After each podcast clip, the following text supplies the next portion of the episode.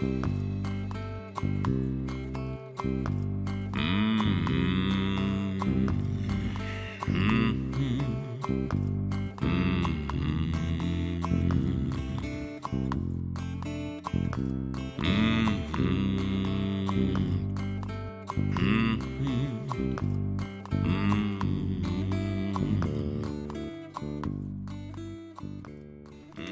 Í fjölda ára hefur Samuel Samuelsson verið farabróti hjá Vestra á Ísafjörði þar sem hann hefur verið formaður undan fyrir nár. Hann var bara 29 ára gammal þegar hann reyði Guðjón Þórðarsson sem þjálfari liðsins og síðan hafa fjölmarkir komið þar við og meðal annars er 90 erlendi leikmenn. Samuel settist niður með mér í dag og fór með yfir árin hjá Vestra en hann stefnir á að fara með liði í Pepsi-deildina á næsta ári. Þetta er miðjan. Ég heiti Hafliði Breiðfjörð og Sammi er gestur minn í dag.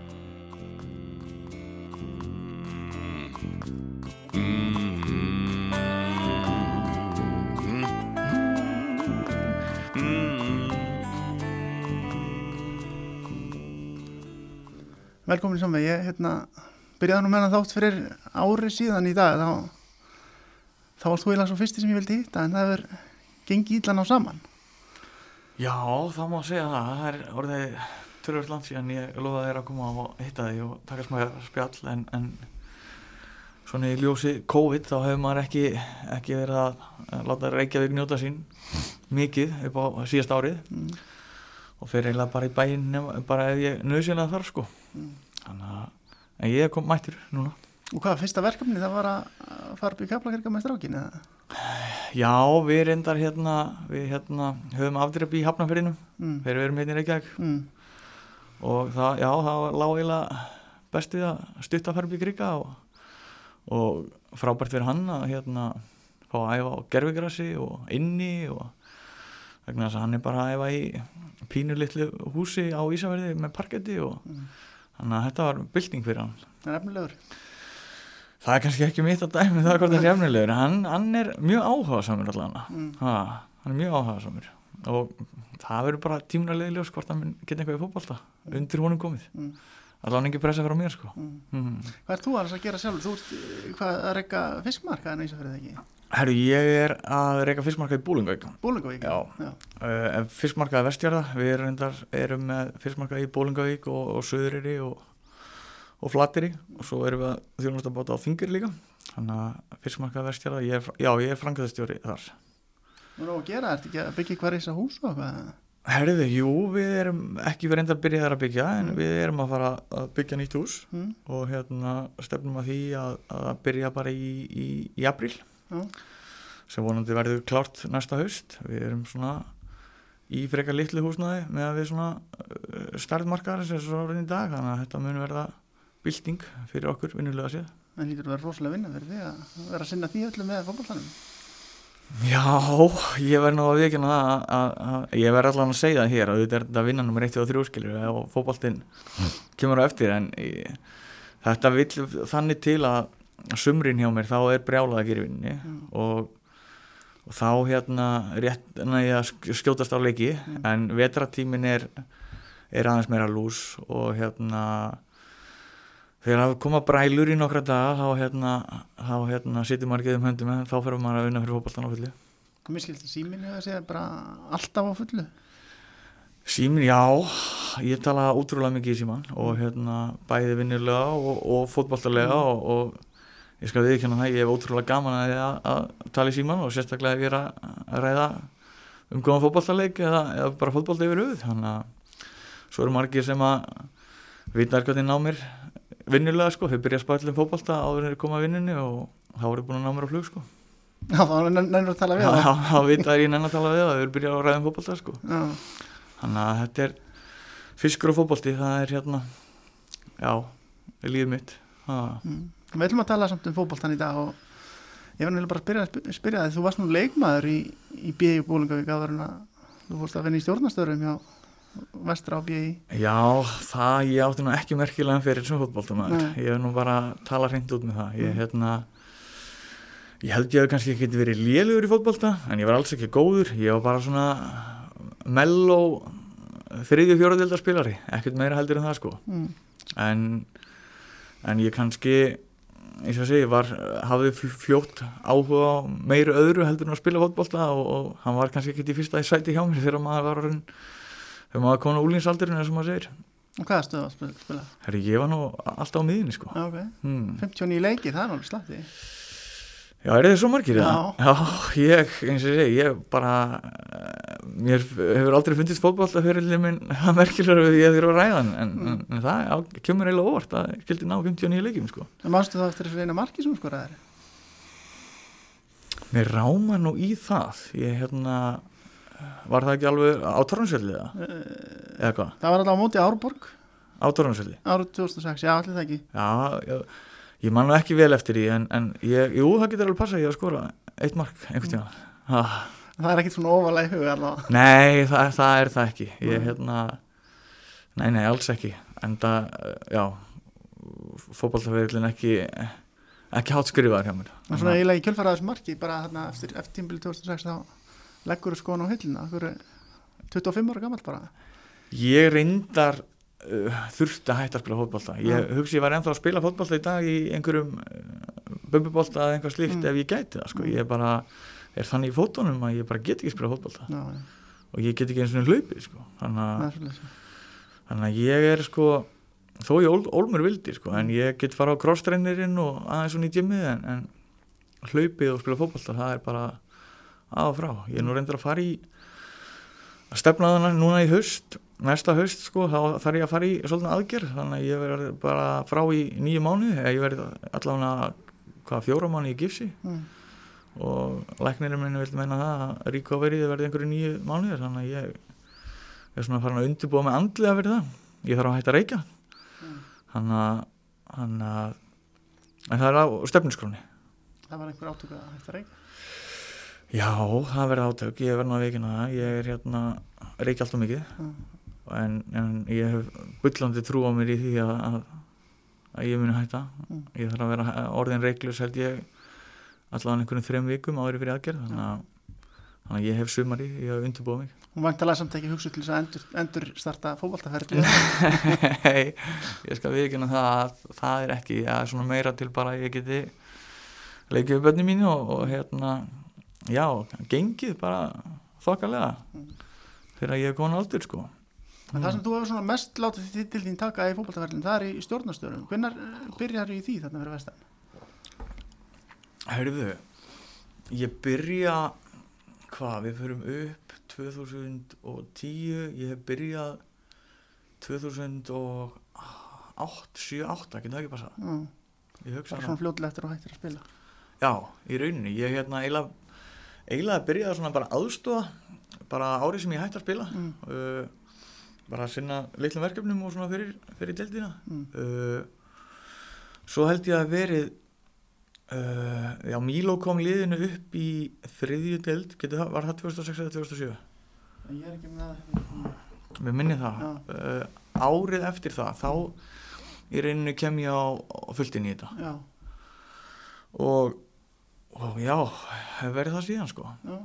þannig að þetta byrjaði rauninni bara þannig að svona ég ætlaði ekkert að fara út í þetta en, en ég hef alltaf ótrúlega mikinn áhuga á fótbolta og mér fannst svona við geta gert miklu betur fyrir vestan þú veist, við vorum oft með fínustu leikmenn og allt svoleiði skilur en uh, öll umgjörn í kringum liðið og allt slíkt við fórum í rauninni bara já, bæta það og, og svona já, allt í kringum leikmennina, bara æfingar uh, bara að, þú veist, þá er ég ekki að tala um kannski aðstöðuna sem slíka hún er ennþá eins og 1970 fyrir vestan sko, en svona bara að menn æfði í eins fatnaði og ferðist í eins fatnaði og, og svona reyna að koma svo aðeins á nýtt level. Mm.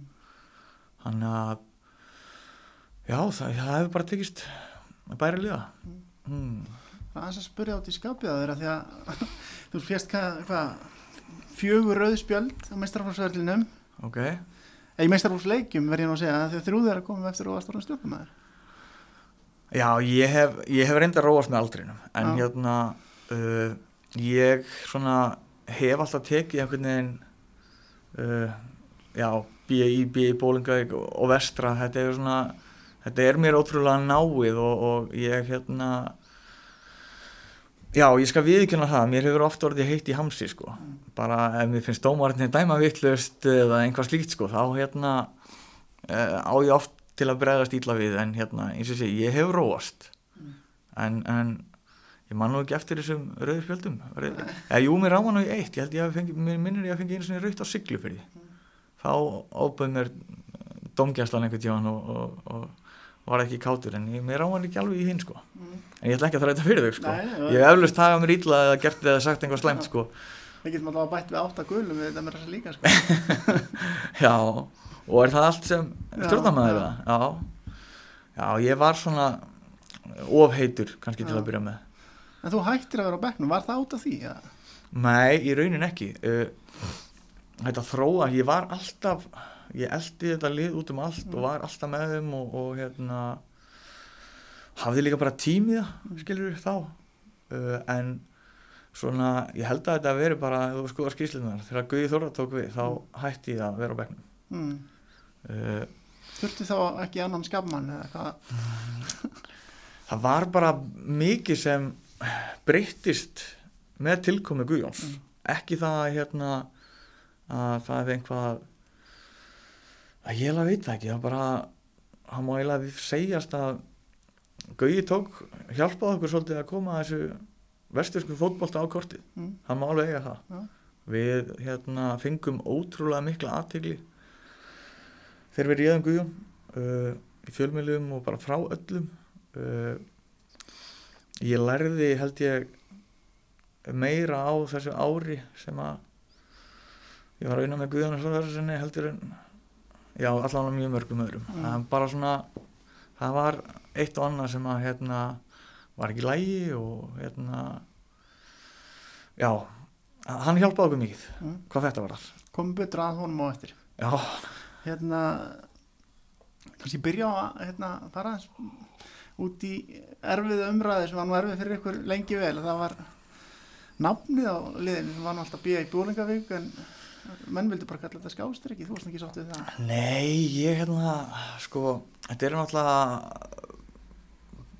B88 og UMB sett saman og hérna menn eins og þetta var kannski á milli bólungaður og Ísafjörðar hérna fyrir mörgum árum, það var svona rígur. Já, og hérna þó hann sé engin í dag en uh, menn voru ekkit á því að liðið myndi heita BI eða, eða bólingveik menn gátt ekki sætt sér við það þannig að þetta var svona eiginlega bara besta niðurstaðan hann allir eru sáttir sko BI bólingveik sko en kannski ekki físilegt nafn fyrir neitt, ekki stuðningsmenn það er erfitt að uh, hvetja liðið áfram með BI bólingavík Mm. og, og en fyrir það ekki líka þegar umræðan var svona farin að snúast um Mm. orðið skástryggi. Nei, ekkert þannig sko en Mm. svona ég skal viðkenna það, ég var ekki trifin að því en ég var ekkert að láta þetta fara neitt þannig í Mm. töðuðar á mig sko mm. Var þetta erfið umræða svo þegar kemur að því að breyta þessi vestra?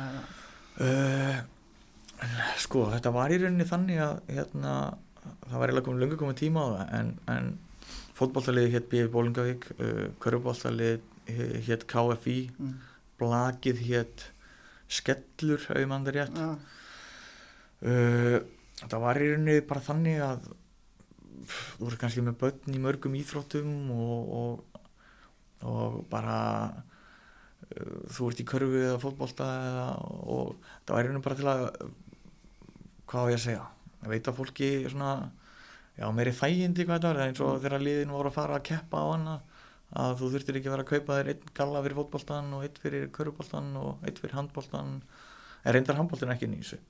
En þeir voru eitthvað fyrir. Þeir hérna uh, vildu ekki fara undir vestra og heita í rauninni hörður sko, Já. handbóltalega vísar heitir hörður en allt annað er, er komið undir vestra sko. Já, og ég meina það var kannski bara í rauninni eðlilegt til að taka félagið í heild og, og bara bæjarfélagin um að vera með vestri sko, hvort sem vart í já, fótbolta, körubólta sundi eða skýðum eða eitthvað sko já.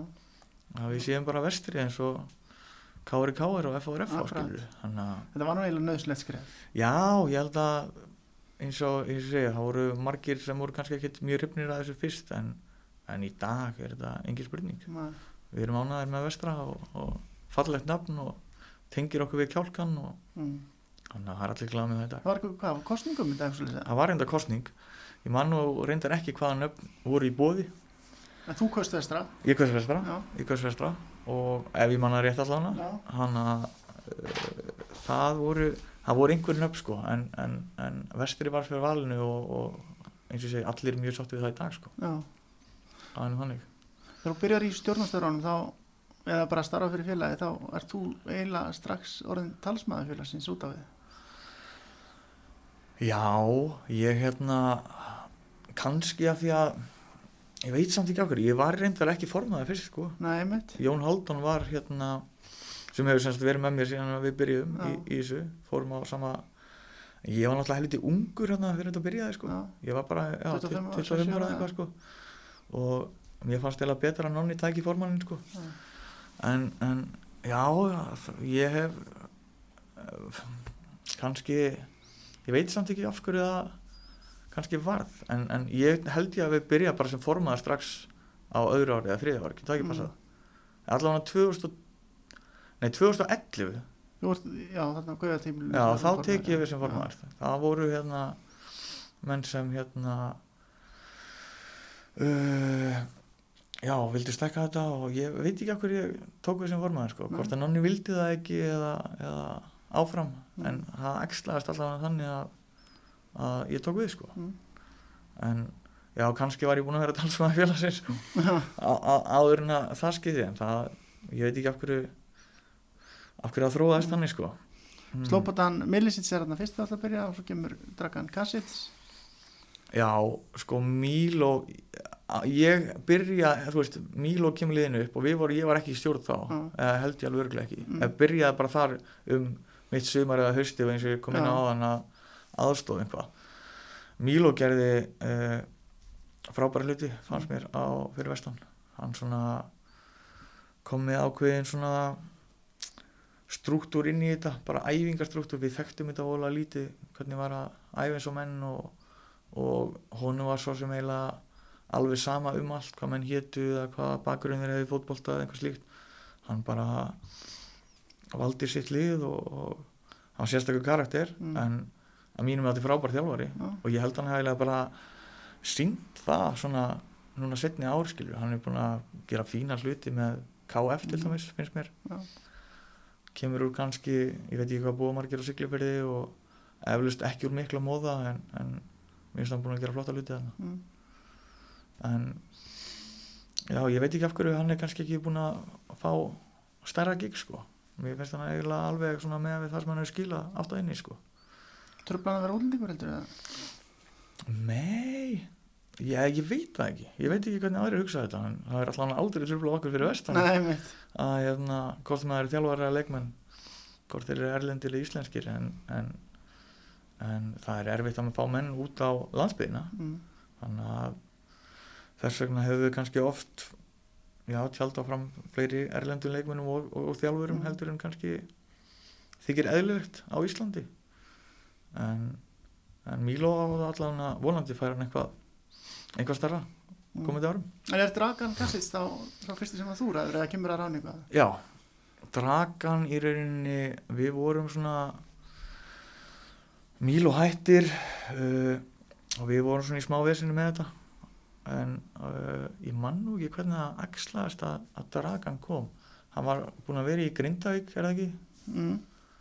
og ég hef nú reyndar alltaf, alltaf átt í mjög góðum samskiptum við Grindvíkinga Já. Jónas Þorvarsson, stórfrændi minn Já. hann að ríða öllu þarna lengi vel ég held að hann að nú axlast þannig að hann kom Mm. uh, Dragan var uh, mjög flottur þjálfari sko Mm. en, en hann átti kannski erfiðara með samskipti með leikmenn skilir, það var Mm. ekki allir, allir hans menn en, en hann kunna þjálfa en það Mm. setna mér fór hann í vikingarnir tók hann Já. sem aðstóð þjálfara held ég og, og hann kunna þjálfa sko Mm. er nú þannig En hann, hann endist bara í ár og þá kemur uh, Alfred Elias. Já, við hérna já, hann endist bara í ár uh, Alli kom inn við við vorum svona við, við vildum fá Íslandík í starfi sko og, og Alli réðum alla sem stóð sig feiki vel kom inn sem í rauninni fyrst spilandi þjálfari Mm. hann mittist í rauninni bara maður það rétt, bara í fyrsta leik eða eitthvað Mm. og hann spila við uh, á Blöndósi ef ég mann það rétt Mm. og hérna stóð til að já, hann er spilandi þjálfari en hann alltaf bara þjálfaði og, og gerði í rauninni gott mót fyrir vestan. Mm. hann var alltaf hann maður sem kom okkur upp í fyrstu dild mm. en akkur er hættin það tímabil?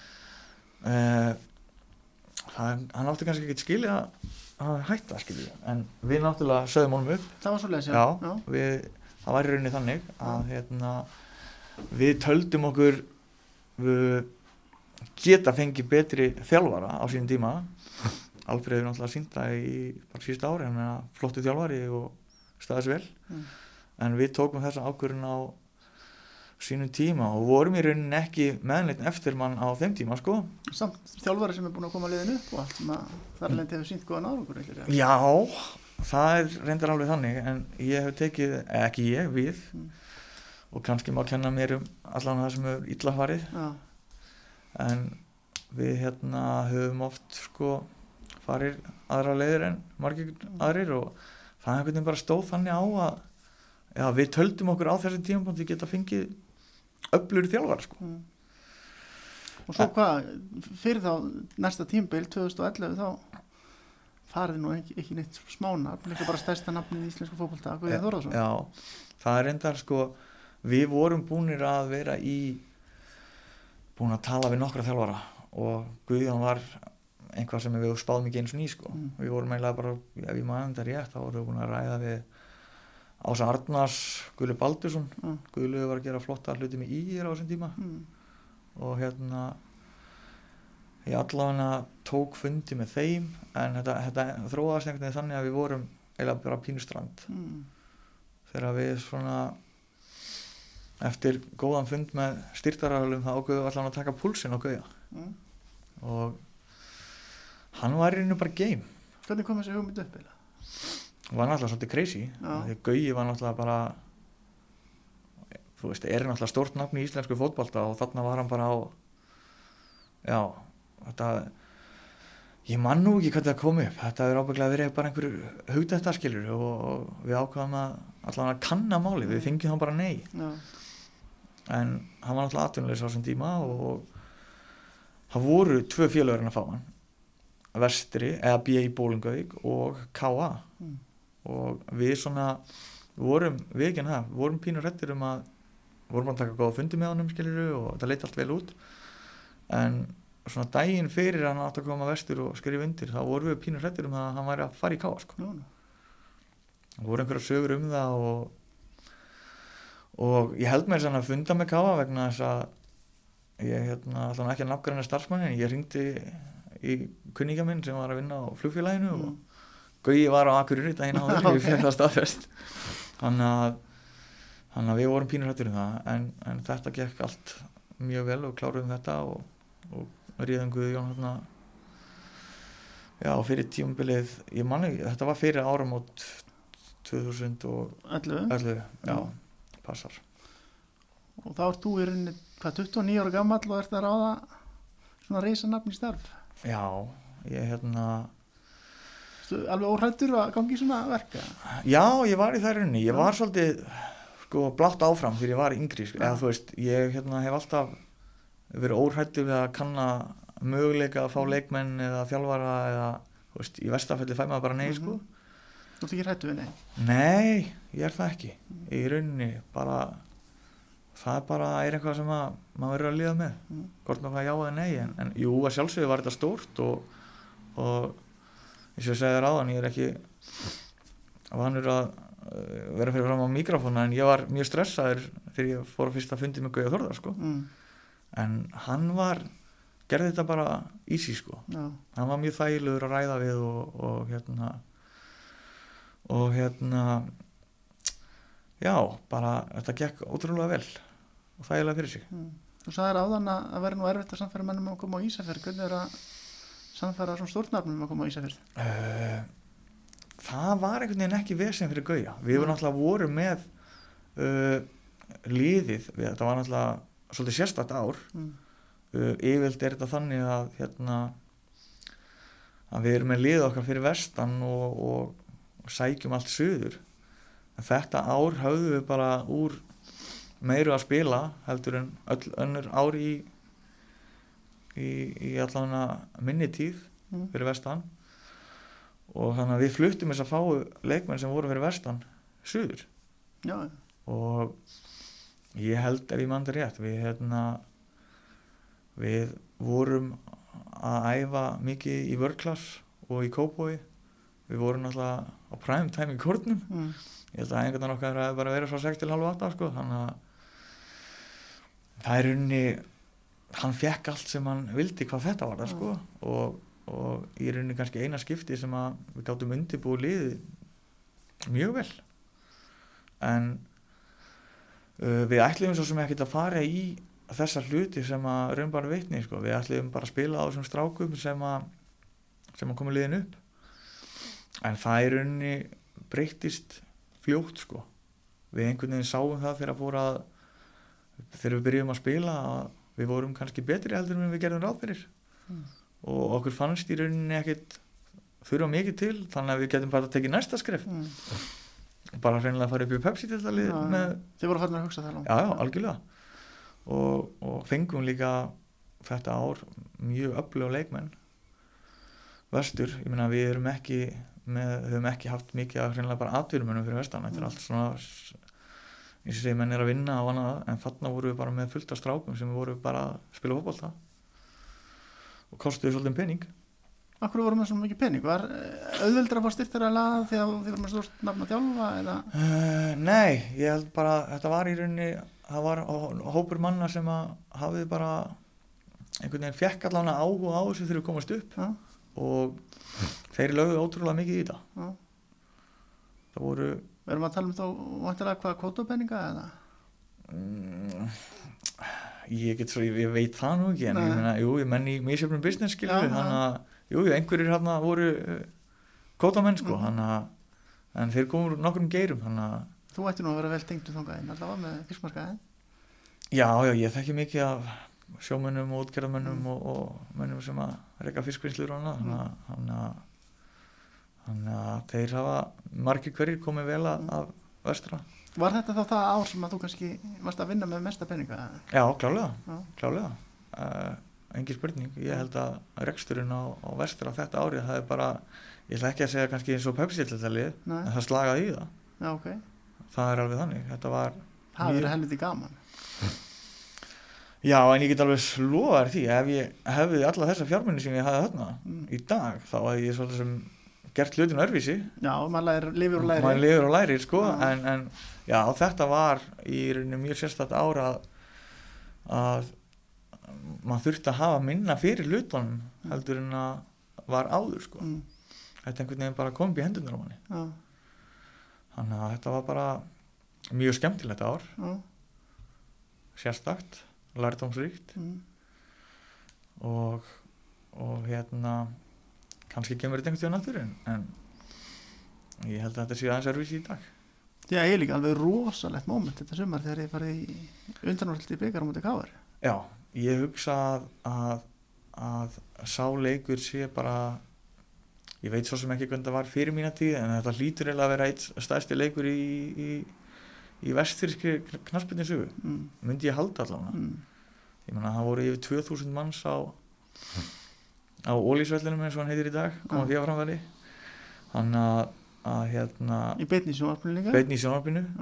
Og ég var skal viðkjanna það að ég man ótrúlega lítið eftir leiknum. Mm, ég var hérna ég man nú ekki hvað uh, hérna fréttamaður það var sem vildi endilega fá í viðtal fyrir leik. Mm, og ég var svo stressaður fyrir því og ég eiginlega bara svona ég man ekkert eftir leiknum sko, Mm. mjög lítið. Ég þurfti að horfa á aftur bara til að en þetta var geggjað þetta var geggjað. Eitt eitt, bara kortur eftir þetta var já, við vorum frábæri í þessum leik. Já, við hérna stóðum okkur ótrúlega vel og, og, og liðið var vel skipulagt og, og hérna með góða leikmenn og, og kannski engin tilvílum vegna þess að við slóum blikan út í, í 16. úrstum mm, og þeir voru þá Íslandsmeistarar ef mann rétt. Já, það, já það hefur verið það hvað 2009 eða ekki? já, við hérna unnum þá 3-1 í framlengdunleik mm, ef mann rétt og það var það var geggjað sko.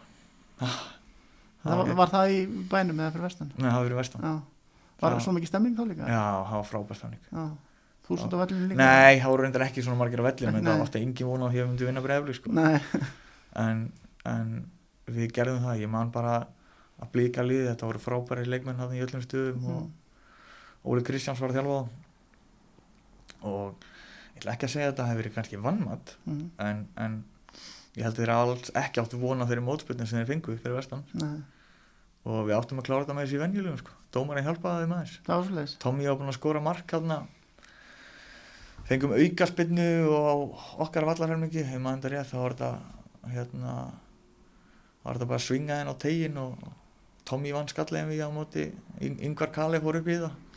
Boltinn í netinu en það flauta aukaspinnu á einhvern ótrúlega nátt sko. Mm. en, en, en þetta hafðist og, og þetta var stemmingin eftir þetta? Ekki, hún var bara frábær. Maður var bara á skíi sko. Það er alveg þannig. Þetta var eiginlega svona þrátt fyrir káleikin stæðist í síðurinn okkar. Við náttúrulega töpuðum fyrir mitt. Þannig að þetta var þetta var magnað sko.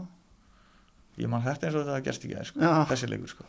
Þetta sumar eh, er náttúrulega með rosa gott lið en eh, Colin Marshall var að spila með ykkur. Er hann ekki bara eitt besti leikmann sem hefur komið vestur Kólin var frábær fótboltamaður já, en uh, besti leikmaður sem að hefur komið vestur held ég að er svona fótboltalega og hvernig hann hefur þá í rauninni spilað. Margir hæfileikal ríkir menn komið en Nigel Cossey held ég að sé já, klárlega sá besti sem við fengið sko.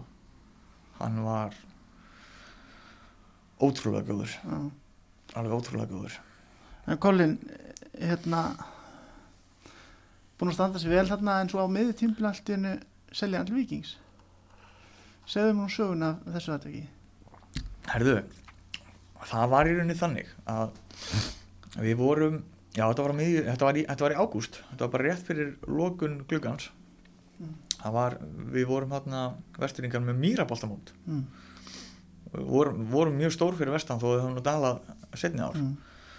en, en Colin var hann inn á svæði með einhverjum leikmönnum og það ekslaðist hann til að hérna, ég fær símtali rauninu bara um það að bróðum minn var að keppa þetta í mýrabolta og, Mm.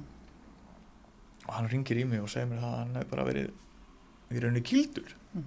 bara, og ég reyni nú að gera lítið úr þessu eins mikið og ég gat en hann var fjúrus og ef það er einhvað sem ég tek fram í fótbolta það var fjörskildan, það er bara hann Mm. Og hann sagði bara við mig að hérna, mjög ópref og professional kannski að mér og ég veik hann að fúslega en ég tók hérna hann sagði bara við mig að ég, hann hérna myndi ekki tala við mig aftur ef, að- ef að Góli Marsjál myndi spila aftur fyrir vestra Mm. eða fyrir bíði bólingæk og ég í rauninni bara fór með það áfram Já. og ég sagði bara, þú veist annarkvort látum við Kólum fara eða ég hætti þannig að það var allavega fyrir mig kannski hrókanlegt og leiðilegt en, en hérna en þetta var nýrstaðan að við litum Kóli Marsjál fara í í Viking tókuðu það bara upp síman og reyndi að koma hann okkur annað strax eða? reyndar, ef ég mandar rétt voru við búin að fá fyrirspurnir Já. í Kóli Marsjál, fá Já. nokkrum liðum já, og meðalans Viking mm. þannig að það var auðvitað að klára þetta en hvernig var að eiga samtalið við hann áttið þú það? við Kólin, Já. já hvernig gekk það? hann var svo sem uh, hvað ég segja, kannski ekki sáttur ef við látum fara en samt var hann alveg ánægður með að komast í Pepsi-dildina já, þannig að en ég útskýrði bara fyrir honum að burt sér frá því hvort sem þetta hefði verið bróðum en ekki mm. Þú veist, þá hérna þá kýldan mann skilur sem var ekki gott. Nei, en ég skal viðkynna að ég er ekki viss um þó ég sé sjálfur frá að ég hefði bröðið svona við hefði þetta verið einhver annar. Mm. bara svo ég sé heiðalegur en það er samt ekki lægi að hérna eins og segja hvort maður er Kóli Marsjál eða einhver annar hvort hann leggja hendur á, mm. á fólk sko. Var þetta eina atviki sem var eitthvað vesinn á eða? mm, já, já, þú veist þannig sko Mm. þetta voru, ég ætla ekki að segja rólindi strákar sko Nei, þannig að Kólin var mikill skapmaður já, en, en, en frábæð fólkmaður mm. og ég hugsaði að þegar að þú færð bara svona menn til að koma til Íslands Mm. Þá er kannski einhvað meira hrjáða á heldur en en það er allavega mjög sérstakt að leikmaður eins og Kóli Marsjál hafa komið til Íslands Mm. hann var frábær einmitt. og eins líka leikmaður svo Nigel Kossi það kom til Íslands. Við tökum það svo eftir. Já, En ég verð að spyrja á því, ég talaði við Gauja Þórðar hérna í rauninni eftir að glukkin lokar, tek við til við hann og þá segir hann það að hann hafi verið mjög ósótt við að félagi hefur látið leikmannin fara gegn sín vilja. Gauði vildi halda Já, það er alveg þannig. En var þá, voru ekki lætið þá ef hann er svona ósótt við að þið látið bara besta mannin fara? uh, Jú, ég meina það voru það voru alveg hérna við tókum margar rimmur við Guðjón skilur Mm. en við leistum það yfirleitt bara vel sko en jú, ég skal, Gauði var ekkert sáttu við það þegar hann fór, Nei, engin spurning. Nei, en það var Kólin frábæð leikmaður. Já, en ég held samt að staðan okkar þarna var uh, hún, hef, hún var ekki þannig að við varum að fara upp ég mandi Mm. rétt sko. Þannig að þetta var ekki ekki dúr dæ.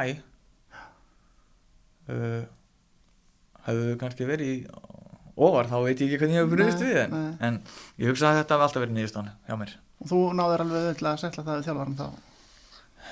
mm, já, ef ég mann það rétt þá var uh, ég veit að Guðum var ekki sáttu við þetta. Nei. vil ekki reyna að halda því fram að hann er eitthvað verið glaðið með þetta. En, en þetta er í ágúst og, og tímbilin alltaf bara kláraðist í september það við tókum oft oft, oft erfið símtöl og erfið að fundi sko. um önnum mál og svona. já, já, við vorum ekki alltaf sáttir Hva, hvað var í gangi þá?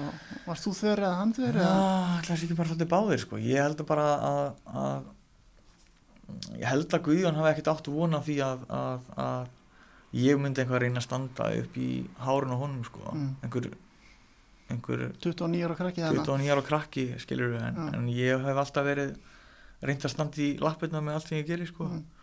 og þetta var bara hluta af því eins og ég segi, ég lærði ótrúlega mikið og ég hef líka gert fullt af mistökum Mm. fullt af mistökum og á eflust eftir að gera fleiri mistök sko. En maður reynir allan að læra Lifti Guðjón félaginu svolítið já, upp á við? alveg klárlega ég meina, þegar Gauji kemur inn þá, þá breytir hann öllum öllum kultúr ég meina, þá er ég að tala um svona uh, bara ef ég tek dæmi varandi svona sjúkraþjálfara nuttara, allt svoleiðis uh, uh, hvað ég að segja jú, hann, hann gjörbreytir Mm.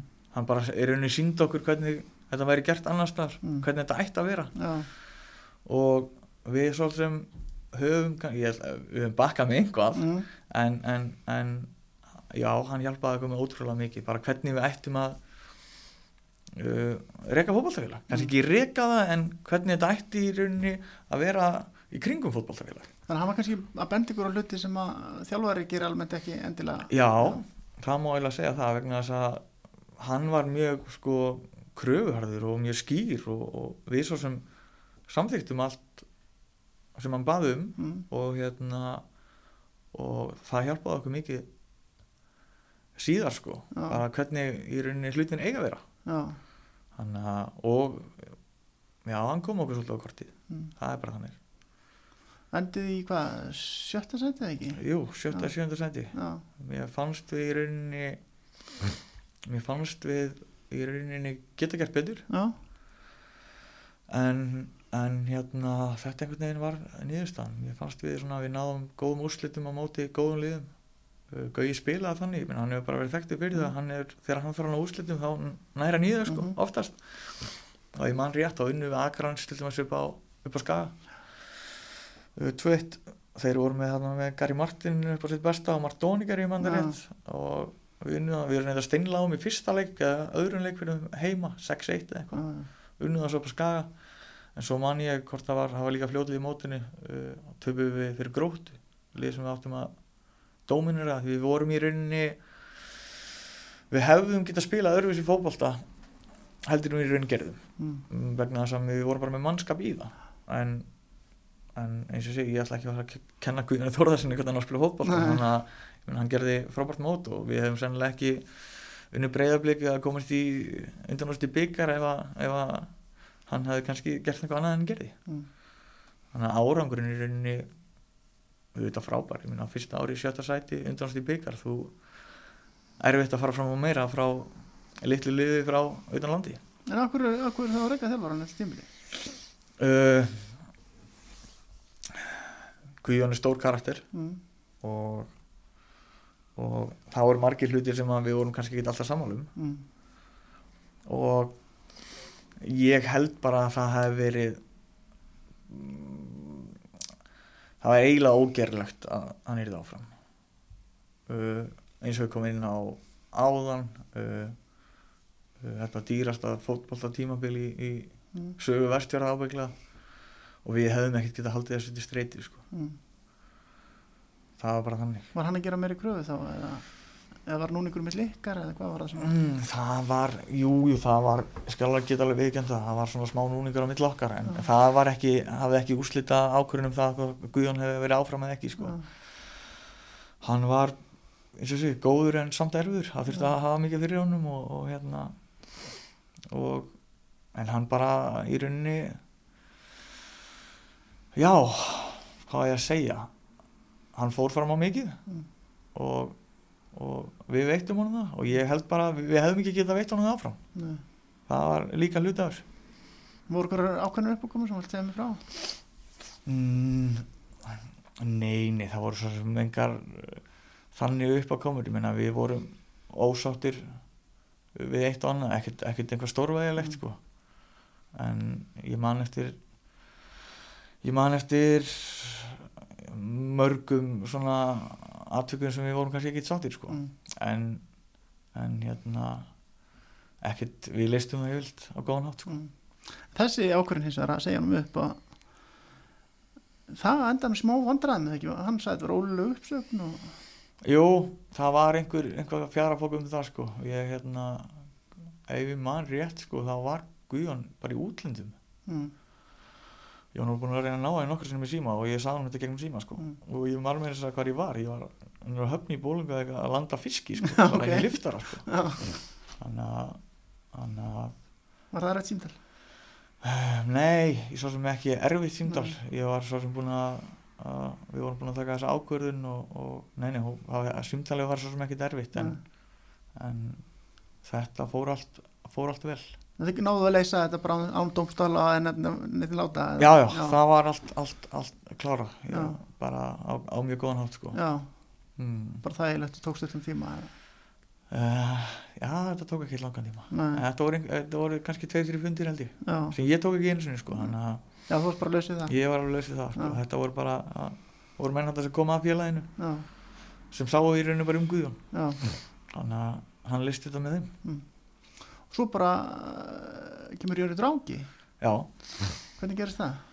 uh, ég skal nú viðkynna það að Jöri var nú uh, ekki fyrstur á blaði hjá okkur. Ég var Mm. búin að tala við nokkra þjálfara og ég í rauninni við vorum konið það langt með Freyr Alexandersson að hann átti bara til að setja nafnið sitt á blað. Það var svo já, já, hann getur staðfest það. Já, ha, við vorum búin að semja um allt og, og hérna, en hvað klikkaði? Hann var að þjálfa kvennalið hjá Val. Mm. uh, hann, það voru bara margir hann, ef ég mann það 100% rétt, það voru bara margir innan val sem hérna settu pressa á hann að- að fara ekki. Uh, við höfum hérna já við höfum viljað láta það gerast skilur, á þeim tímpúnti en, en við endum með Jura mm. sem að var frábær fyrir okkur. Og ég held að var hann í þrjú góða ár og fyrsta ári í, rauninni, við, í pínu erfiðar aðstæður sko, vegna þess að við vorum skýt blonkir hann Mm. við vorum búin að eyða miklu meiri peningum heldur en við áttum ári áður þannig að hann tekur svona við uh, já, á, á pínu erfiðum tíma og, og við náðum nú reyndar að sækja fína leikmenn þrátt fyrir það að hafa ekki mik miklu að spila Mm. en svo held ég að verið 2013 annar þá sett hann saman mjög flott lið og við, við vorum nú það var mjög uh, jöfndeild það árið við vorum sigri frá, ég heldur nú að bara enda samt í 5. eða 7. seti Mm.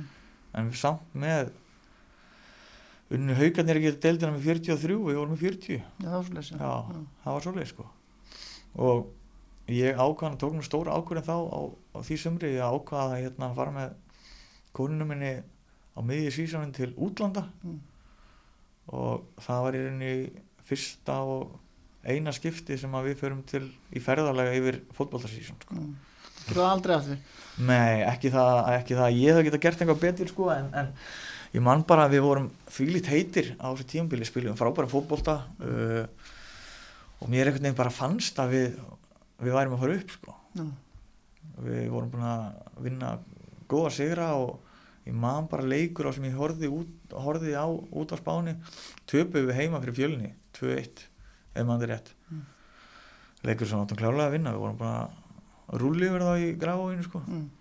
og vorum eins og segja með mjög gott lið og, og, og ég held að þetta er þið árið sko.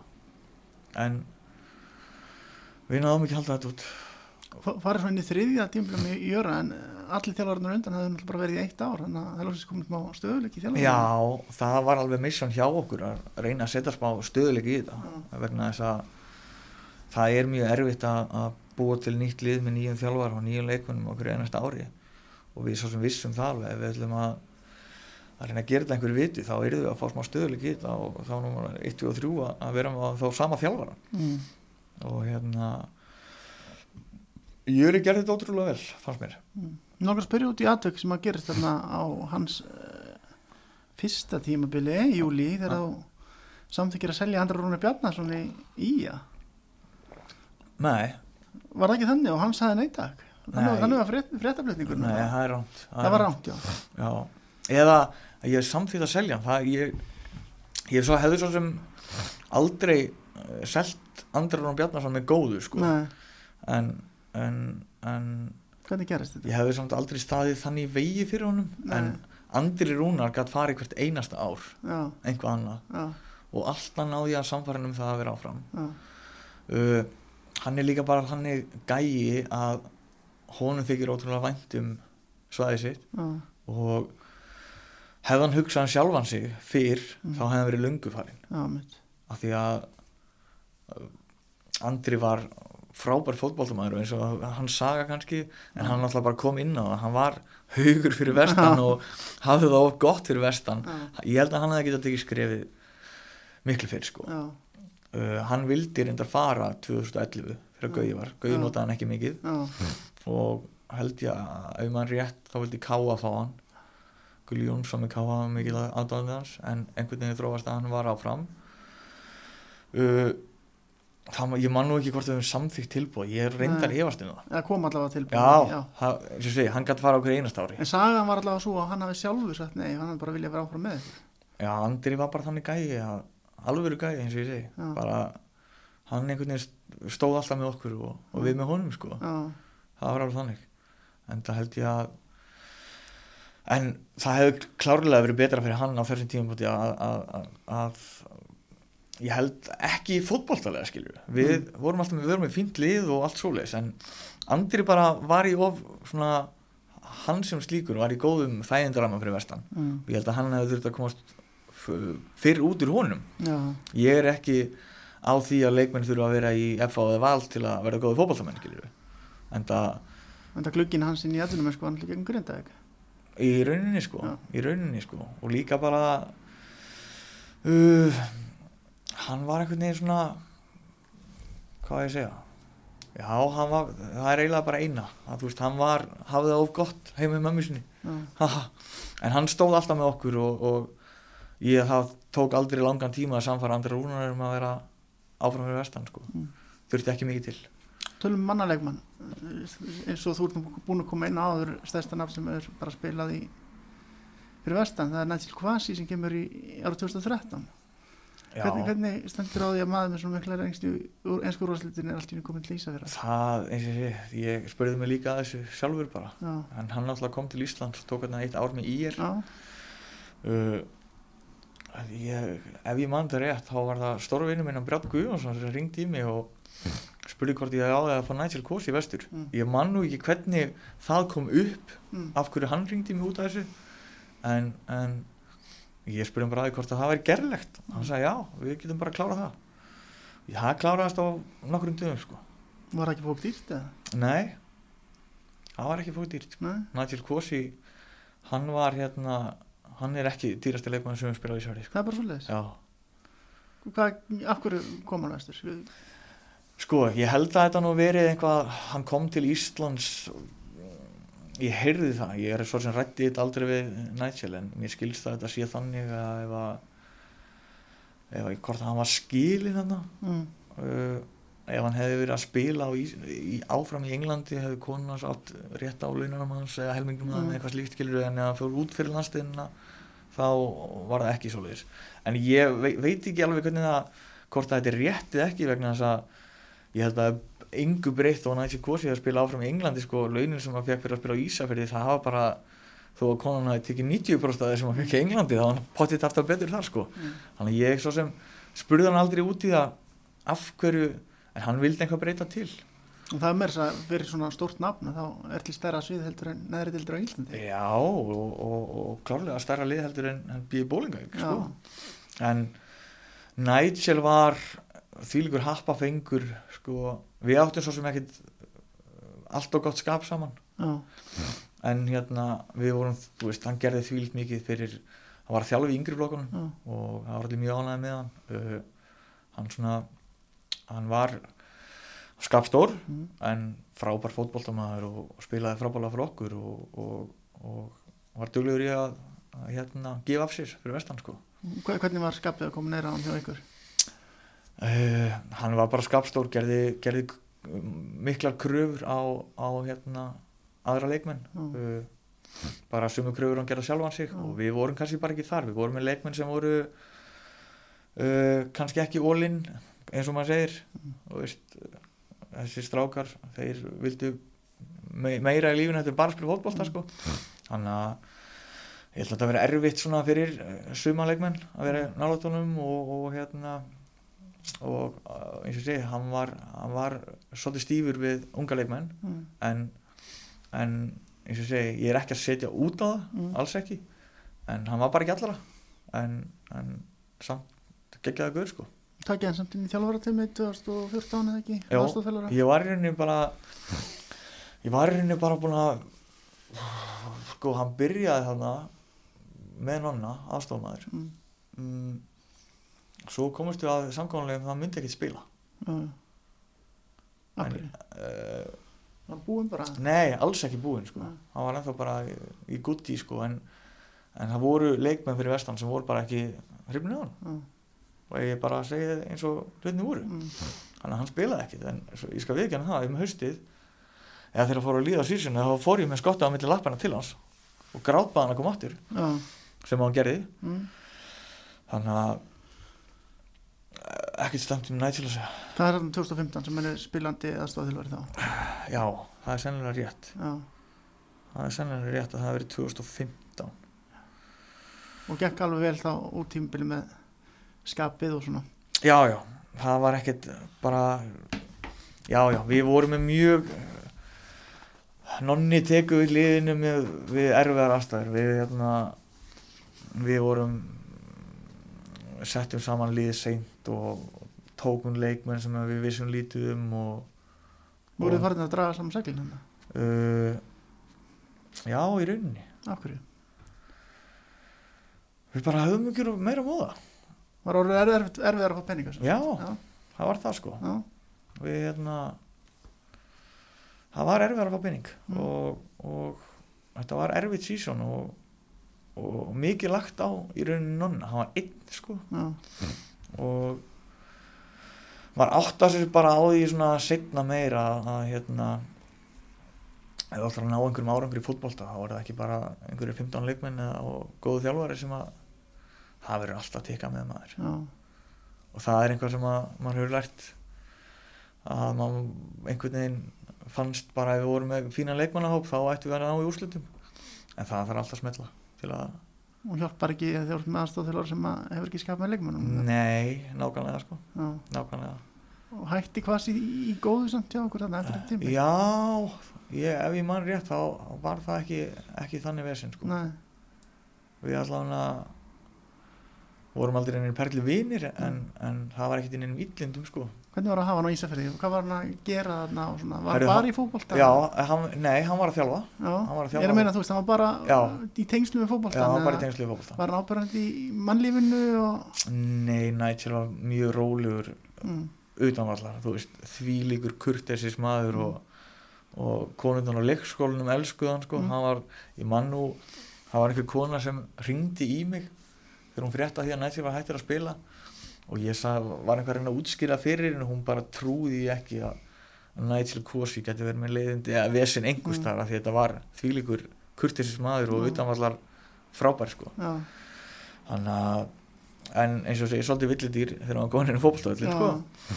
það en, er kannski svo vilt hafa það einhverju leiti já, klárlega sko klárlega, en eins og ég segi þ- þegar þú ert ekki með uh, atvinnumannar fótboltalið mm. og þegar þú þarft í rauninni að, að sjatla að þurfu allir að vera gladir Já. allir þurfu að vera vinnir, hvað þá í litlu samfélagi og í litlum félagi. Þá er erfitt að vera með menn sem að kannski helmingurinn að liðinu ágiskap með sko, það er svolítið þannig. Svo var það bara þjálfaraskipti eftir þetta tímbil 2015 og þú var Joe Hunicello sko, hann er umbúsmaður líka. Hvernig, varst það að reyna að slá tverflugur í einu höggi eða?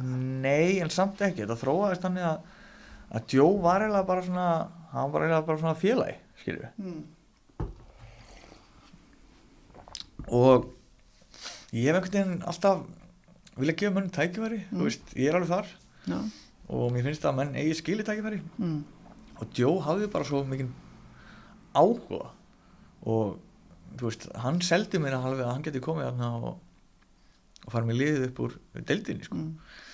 en það reyndist nú ekki alveg rétt hjá honum en, en, en, en tók, tókum nokkra leikmenn hérna frá bandaríkjunum og, og sem tengdist hans umbúsmann starfi. Já, já. í rauninni. En ég, ég held svona uh, hann var í rauninni umbósmaður en samt ekki umbósmaður hann var með hérna sokkar vísa Já, uh, hann var að hjálpa leikunum að koma. Mm. en uh, ég held að þeir hafi ekkert verið að á þess ég viti að þeir borguðu uh, koncert er held ég þannig að þetta eru svona búðir sem menn fari Mm. sem kostar í sko og það komaði einhverju þjálfarar og stjórnamenn og eitthvað og skoða og, og hérna en svo held ég að eins og þessi strákar sko, ég held að þeir hafi ekkert verið að uh, þurft að borga honum neitt fyrir að koma til Ísland sko já. en var hann ekki samt þá í þessu starfi sína að styrkja anstæðingana Mm, Jú, en reyndar ég man ekki hvernig það var gagvart okkur sko Nei, ég bara verða veikina ég man Nei. það ekki en, en, ekkert sem trublaði það Nei. ekkert sem trublaði mig ekkert sem trublaði mig. Við höfum það allan aðgang á bestu leikmunum sem hann var með ef, að, já, ef að það var einhvað sko. Já, en þetta gekk ekki alveg nógu vel. Ég vendi nú bara um um hvað, miðja deildið ekki? Já, ef mann rétt sko. En við höfum ótrúlega gott að, að, fara niður samt úr, úr fyrstildinni af því við vorum, þetta var í raun orðið þannig það voru fáir heimamenn uh, í einhverjum líki hlutverkum og uh, Sigurgeir og Gunnar þeir voru uh, bara þeir þessi strákar eru konur á hann aldur þeir, meina, þeir eru fluttir inn í bæinn og Mm. konur með hérna kannski kæristur og farin að vinna hérna þá er þetta alltaf erfiðar að vera að flytja mennina vestur Já. ár hvert sko uh, þannig að við höfum pínu gott að ég að fara niður mm. þá voru þá einmitt komu þessi strákar upp þeir voru nú byrjar að spila eitthvað Jöri gaf, gaf þeim sjensinn og Nonni líka eins og Viktor Júl, Elmari, Pétri Bjarnar Mhm. Danna, Frikka, þessi strákum sko sem er svona kjarnin í liðin okkur í dag Mhm. þannig að þeir í rauninni fór að spila starra hlutverk og, og og já ég held að, ég held að við bara haft mjög gott að þessu já, þó að náttúrulega á þeim tíjampunkti varum hund, hundfúll að fara niður og allt svoleiðis en, en svona eftir að higgja þá var það var það gott mm. og svo skiptiðum þjálfur aftur og Daniel Batu já, Batu og, og hérna Danimir bósnýðumæður sem var með Daniel Batu Já. eins og ég segi, órættið ekki að munum senast Daniel Já. Batu var nú bara leikmaður og, en þetta var ekkert sérstu tímbilið það nei þetta var nei, þetta var frekar erfitt. Þá fóruð þið í stóru ranninguna og náðið Bjarnar Jó árið eftir. Hvernig fóruð það í náðið Bjarnar Jó vestur ég var enda búin að reyna að ná í Bjarni Jó uh, ég var búin að hafa talað um tvísar.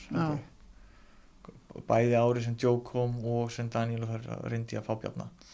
Uh, ég svo sem hitti Bjarna á Tenerife og við tókum góðan fund og, og hérna þetta einhvern veginn bara ég veit ekki akkur þetta small sko. Við vildum bara fá reynslu, við vorum búin að gefa mönnum séns, ungum mönnum sem að, þetta var ekki að ganga.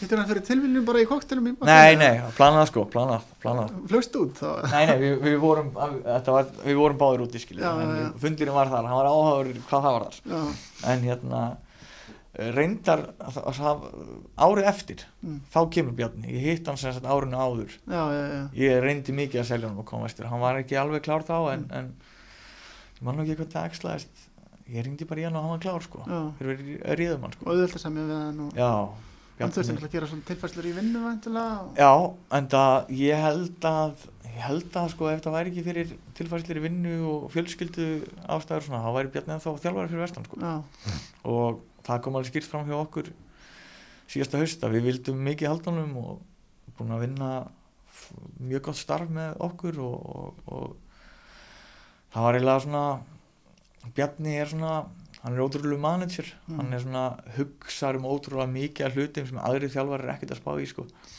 og bara eins og hvernig við ferðarlögin og hvernig strákarnir borða og þú veist, hann spáir einhvern veginn í miklu meira heldur en bara en þarna varstu aftur komið þjálfara eins og, eins og það var svona gauja sem að vara að að struktúra í. Bjarni var samt bara sko, það var miklu fælir þú veist, við áttum miklu meira saman heldur Já, en við ég meina svona að hann var að struktúra með ykkur já, og já, breyta al, algjörlega, algjörlega. Bjarni er svona, Hann er alltaf óbúslega líbúka og gott að venna með hann. já, það er ótrúlega gott. Við gáttum alveg að tekið rimmunum upp Bjarni sko, en það endaði samt alltaf, alltaf, alltaf vel sko. við erum ekki alltaf sammála.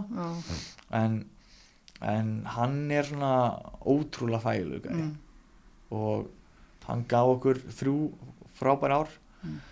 Hann reyndi, ég held svona á þess að hann hafi viðkjönda kallinn sko, ég held að hann hafi verið svolítið hrættir og við myndum bara að láta hann fara eftir fyrsta árið. Mm, vegna þess að það var bara eitt í bóði, það var bara að vinna þessa deild fara Já. upp, sem gerðist ekki. Mm. en við vorum með flott lið og hann var búinn að gera mjög góða hluti og, og það kom aldrei neitt annað til greina en að reyna að halda hann áfram. Og sko síðasta tímabili sem er núna í sumar sem er í, í, í lengjadöldinni þá endið í sjöndasæti Já, ef þau klára mótið mótið var nú bara 20 leikir en ekki 22 já, þá áttu alveg góðan sinns á fjórðarsætinu já það var í rauninu bara planið. Við ætlum enda þetta í fjórðarsæti úr því við komum þar og hérna við fannst þetta svona koma og fara. Þetta byrjuðum ekki alveg nógu vel. Svo vorum við konur hérna í stöðu um mitt mót sem ég var farin að bara láta mig dreyma um það að þetta getur orðið gott ár, betra ár heldur en í rauninu var en hérna svo fórum við svona töpuðum hérna illa í Keflavík komum reynda tilbaka en það var eiginlega leikur hérna í laugadalum mútið þrótti sem ég fannst alveg fara með þetta mm. en virkuði einhver áhugaðlusir og þetta var ekki alveg að gera sig en, en, en já, já, fyrsta ár, sjönda sæti en ég fannst þér reyndar hópurinn okkar í sumar að við hefum alveg geta gert betur en, en, en, en það er bara ég sko og svona heilt yfir svona eiginlega út af COVID lítur þetta nú bara að vera eitt leðilegsta sumar í fótbolta. Já, þetta var voðalega stoppa og byrja og, þetta var svona þetta var pínurvitt fólkstundum pyrraðir yfir aðgerðunum og já, já, þetta fór mjög í mig já, og auðvitað er það bara astnarskapur að vera eitthvað að tjá sig um það. Ég meina, mennir að reyna að gera sitt best í þessu en, Mhm. en já, þetta fór ótrúlega mikið í töðunum hvernig þetta sumar þróaðist hvað þetta var þar það er nú þannig vonum, vonum fáum kannski betra sumar núna já, ég ætla að vona það, Já. þetta lítur allan vel út og, og en við eh, bara höfum alltaf, við höfum alltaf reynda að fara til Spánar mm. á, á vorin með liði og hérna það klikkaði fyrra Mm. og klikka núna Mm. það er náttúrulega ótrúlega mikilvægt fyrir svona lið eins og okkur sem verum að æfa inn í reyðhöll Já. yfir þetta tíma eða inn á parketti að, ná tíu góðum dögum á topp aðstæður sjóta saman. Þannig að félagslega líka? Algjörlega. En við ætlum bara að skella okkur í Dalvík eða hveragerði eða eitthvað. Já, ok, núna þetta árið. Við finnum einhverju að listna því, við erum að skoða það eins og staðinu nú. Þú af Dalvík þú ætlaði nú að spila heimuleika Já, ég er hérna ég er hérna Dalvík, þetta er fallegu bær og hérna fínt gerðugras mm. og hérna já, ég það var nú reyndar í gríni sagt að við ætlum að fara með leikin á Dalvík en Mm. menn voru reyndar Maggi var til dæmis mjög hættur um það, ég ætlaði að fara að spila á- leik við hann á, á Dalvík sko en, en, en, en já, Dalvík er flott bara Mm. mm. ég þarf að spyrja það út í að því að ég nú hértu á síst svolítið úrraða góður þegar Bjarni kemur til þess þá kaupið þú íbúðu það ekki Jú, það passar ég hérna, það var bara til þess að koma honum í húsnaði þarna fyrir vestan eða hvað já í rauninni sko segja mér nú frá þessu aðeins. Ég fór í það hérna, já, kifti þarna íbúð sem að var að vestlunarhúsnaði mm. fór í það að breyta því íbúð og eins og ég er oft þannig bara blátt áfram. Mm. var hvorki búin að fá leifi eða neitt fyrir því að breyta þessi inn á svona íbúð. Mm. gerði það og Bjarni bjóð þarna fyrsta árið. En svo var ég endalusum stappi við bæinn og slökkuliðið um það að þetta væri ólöglegt þannig að það þurfti að finna nýtt húsnaði fyrir Bjarni árið eftir en við fengum það í gegn. Einhvers að með þú hafði miksað þetta einhvern veginn með því að henda upp limmiða bara húsið, eitthvað, SS eitthvað? Já, það enda að passa ég hérna það stóð aldrei til að Bjarni fengi að fara hann inn sko. Og ég hérna setti þarna limmiða á gluggana SSS skrifstofur. Já, tjáði mönnu það út í bæja þetta væri nú bara skrifstofhúsnaði og það væri enginn hafna Mm. en, en Bjarni bjóð þarna allavega fyrsta sumari mm. og já það var í rauninni, já pínuvisinn en þetta er bara hálfgriðstofa í dag þannig að, á þínum vegum eða? nei ekki mínu vegu sko, ég er bara leiðið út sko Já, já, já. já, nú hann þannig að þú tapar þessu stappi borgina eða byggja fulltróða það, já, já, það það var, þetta var ég svo sem, eins og ég segi get sjálfur mér umkent fór í einhverja framkvæmdir sem var ekki minn hann lifi fyrir og, og en ég veið þurftum alltaf ekki að lega íbúð fyrir bjarnar fyrsta árið. Og gerur þetta svolítið, veður svolítið fram bara já, það, já, já, ég á það til að ef ég fengi að hausinn þá bara hjóla í það, stundum er það gott og stundum slæmt sko, en, en og kemur þið svona koll eitthvað? Já, já, ég hef ábygglega gert fullt af hlutum sem að komur um koll. Hvað er það sem sér mest eftir í þessum fókbaltaferli mest eftir ég veit það ekki þetta er ótrúlega stór spurning sko. mm. ég sé það sem ekki kannski eftir en einu þetta Nei. er búið að vera geggjaði tími frá því að byrja í þessu en, en nei, ég sé það ekki eftir neinu þannig Nei. sé það ekkert einhvað svona sem kemur fljótt upp í hugan Nei. sem hefur verið einhvað aðalegt sko Mm. það hefur verið ógulega að vinna ímyndaði mér að því að ég fór nú að taka saman eitthvað, eitthvað og fengi marga leikmenn og ég held að sé eitthvað, eitthvað vel á nýjönda tög útlendinga bara sem að hafa komið á þessu tíma sem þú er búin að vera að já, ég hérna hef fengið ótrúlega mikið að leikmennu vestur sko. Það er rosalega vinna að standa í svoleið Já, það er það, það er það sko. En það hérna áður fyrir hafði ég miklu meiri tíma í fótboltan heldur en ég hef í dag sko. Mm. og þetta er einhvern veginn þannig, maður er alltaf að býða eftir því að mann lendir í einhverjum jackpoti sko, fái Mm. gæja sem maður getur skila félagin einhverju meiri heldur en að koma að spila fótbolta Mm. en ég hef ekki ennþá verið svo heppin sko Nei. en samtalið rataði inn á flotta leikmenn, það er ekki það en, en ég hef líka rataði inn á frekar dabra fótboltamenn sko sem þú séð eftir og, sendt bara fyrir heim og, Já, já, já, það er eins og gerist, ég meina, ég fekk nú eins og ganamann sem ég mann eftir sem var með geggjað CV, sko, Mm. áður en kom til okkar þá, þá transfer, saði transfermarket hann að var að spila með Sparta Moskvu mm. og hann vildi nú meina það að það hefði verið málið og þetta var held ég þegar Júri var, ég held að hann hefði tekið tvær æðingar og spila eitt leik svo fór hann heim sko en ég hef líka hérna ég hef líka fengið góða leikmenn. Mm. ha, ég meina við fengum fengum eins Mark Tupac kom mestur já, mitt, hann var frábær frábær leikmaður Mm. Dani. gerði þér bara ágætsmót á Íslandi fór reyndar í Þór. Já, ég var reyndar mjög ósátt við það á sín tíma. Nú, já, mér, það það var þannig að við vorum svo sem að reyna að semja við Mark. Mm. og þá voru Þórsvartin eitthvað búin að ræða hann. Ég hérna hef aldrei fílað Þór það er svolítið, er eitthvað rífur þetta á milli ja? Nei, ekki rífur, ég er bara einhvern veginn ég veit ekki af hverju það er sko þetta er svona ég er bara, það er einhvað við Þór sem að eftir þetta, ég bara fílaði það ekki skilja já, og hefur það þú er eitthvað upp á komið Nei, ekki neitt sko, þetta var bara Nei, við vorum eins og að spila við á einmitt árið sem Mark Tupac var, var þarna Mm. hjá okkur, þá var það voru einhverjir erfið tímar þarna mm. einhverjir upp- Mm. En ég er bara einhvern veginn er ekki að klikka með Þór sko. Einhver er upp á komið sem þú mannst eftir eða vilt segja mig frá það? Nei, ekkert þannig, bara Nei. auðveld 60 í sumar. Og verða það vandalega næsta ára líka sko. Og það, sem, sem gleðið þig mest það er að vinna Þór? Í fólkvölda Já, það er gaman að vinna Þór. Það er gaman að vinna veit að þeir af þessu eða er þetta bara eitthvað sem þú ert að ofnbæra fyrst núna? Nei, ég held nú að hérna þeirra fyrir, fyrirverandi formaður sem er hættur núna, Óðin Svan Já. hann var nú með mér í bandaríkjónum og, og ég tjáði hann það alveg hvað mér finnst um, um Þór sko. En þetta er ekkit þannig sko að að þetta sé einhver óvinni mínir sko, Nei. alls ekki sko en, en suma klúpa fílar og sumar ekki Mm. sko en þetta byrjar á Túbek málunu. Já, þetta byrjar á túbakmálunum, þannig að þeir geða sjálfur sinni kent að ég mun aldrei stíða Þór í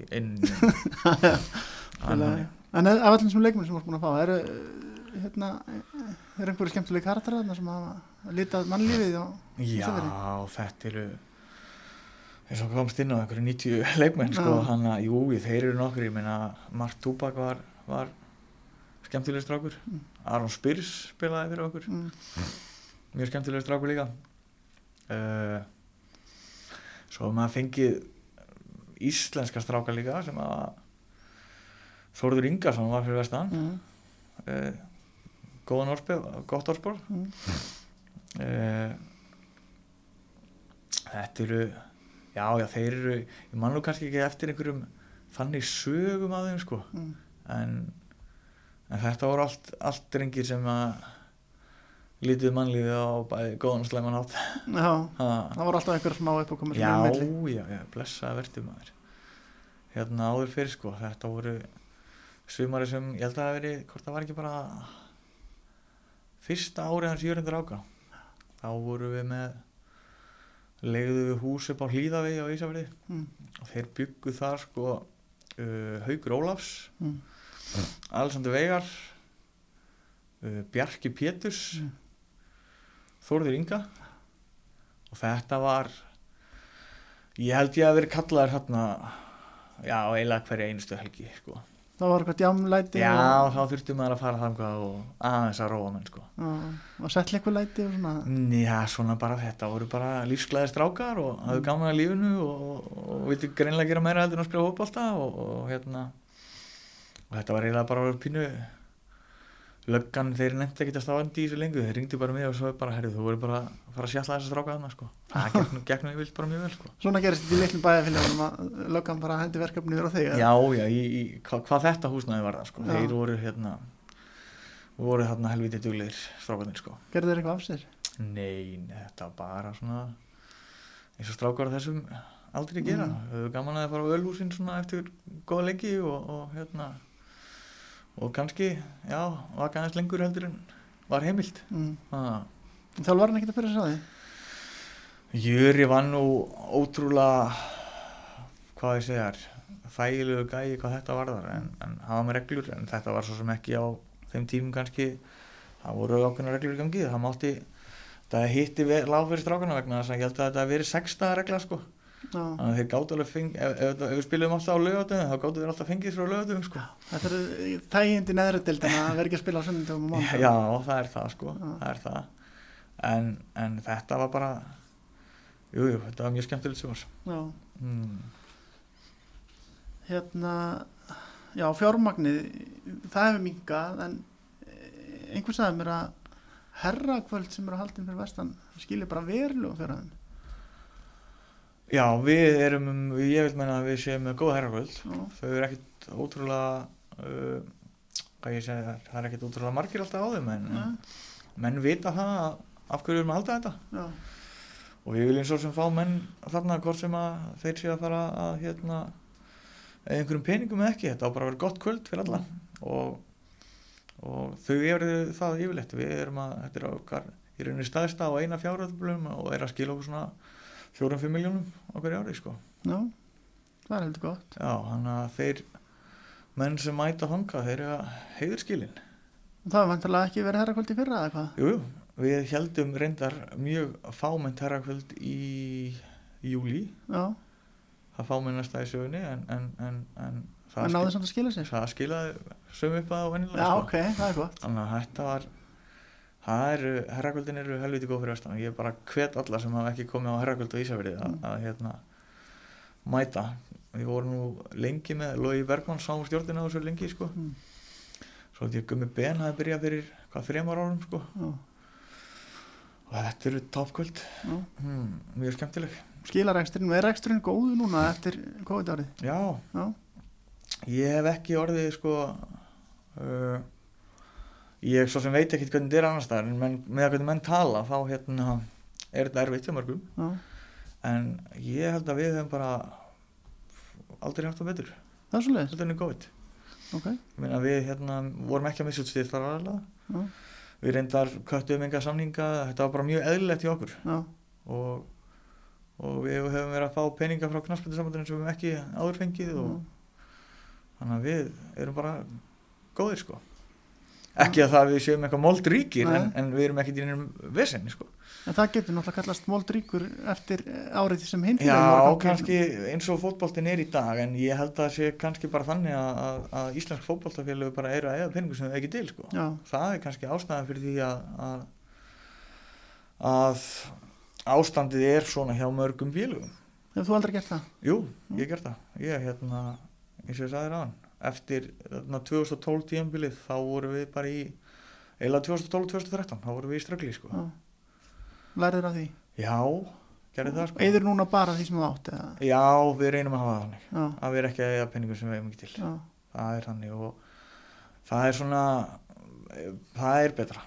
Bara gagvart uh, leikmönnum, þjálfurum og bara öllum sem við eigum viðskipti við að, að borga reikningun okkar svoleiðis vill maður hafa það og, og, og, og við reynum að gera það svoleiðis við hérna, ég held að mér sé alveg óætt að segja það að þeir menn sem gera samningu í vestra, þeir þurfa ekki að ágjöra því að að fá það ekki greita Mm. sko mm. hvað hérna það, það, fyrir utan það náttúrulega sækja þessu útlensku leikmenn þá hafði nú alltaf búið til hefði öfluga leikmenn, þú veist, Andri Bjarnavand og Markakongur, Matti Villa, Emil Páls F.O. Atvinnumennsku og Daði náttúrulega í F.O. og Þó- Þóruður í fylki frábæri í su- fyrra sumar. Já, það er reyndar alveg rétt hjá þér að hérna, við erum ótrúlega við erum ótrúlega s- stoltir af, af þessum strákum. Ég meina þessir gæjar í rauninni þetta er þeim í rauninni sjálfum að þakka vegna þess að þeir hafa ekkert Ísafjörður hefur í rauninni ekkert upp á að bjóða var þetta Nei, og leiðilegt að segja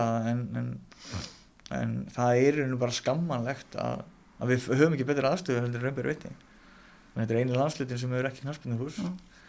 við erum ekki með, við erum með handónið gerfigras mm, uh, við erum að æfinni reyðhöll núna og við erum að tala um 2021 sko, ekki 1980 hvernig gerist það, er gerfugrasvöldun ekki uppgötvaður, hann er handónýtur. Hann er handónýtur. Það er það er betra að vera bara á moldinni í reyðhöllinu heldur en þar? Það er í rauninni náttúrulega núna fyrir vestan er náttúrulega bara frost og snjór Já. þannig að við getum ekkert verið á gerfigrasnu Já, það er ekki uppbyttað það er ekki upp þetta Nei. og þannig að við uh, heiðabyrnir, hann vildi fara bara með strákunni í reyðhöll, annars höfum við bara verið á parketti en, en það er ekki gott fyrir ökla og nýja Nei. að vera mikið á parketti og hvað þá þegar við erum að svissa yfir á gerfugras parkett sand. Þetta fyrir ekki vel með, með menn sko. Þannig að hann tók ákvörðunum að æfa bara í reyðhöllinni við erum með sama undirlag þannig að við erum í rauninni ekkert að æfa fótbolta á þessum tíma. Þú eru bara kannski með aðstöð eins og lið voru með á höfbruksæðinni á síðust öld. Ég er að segja það sko. Þannig að það er í rauninni eiginlega bara ótrúlegt. Já, það er það.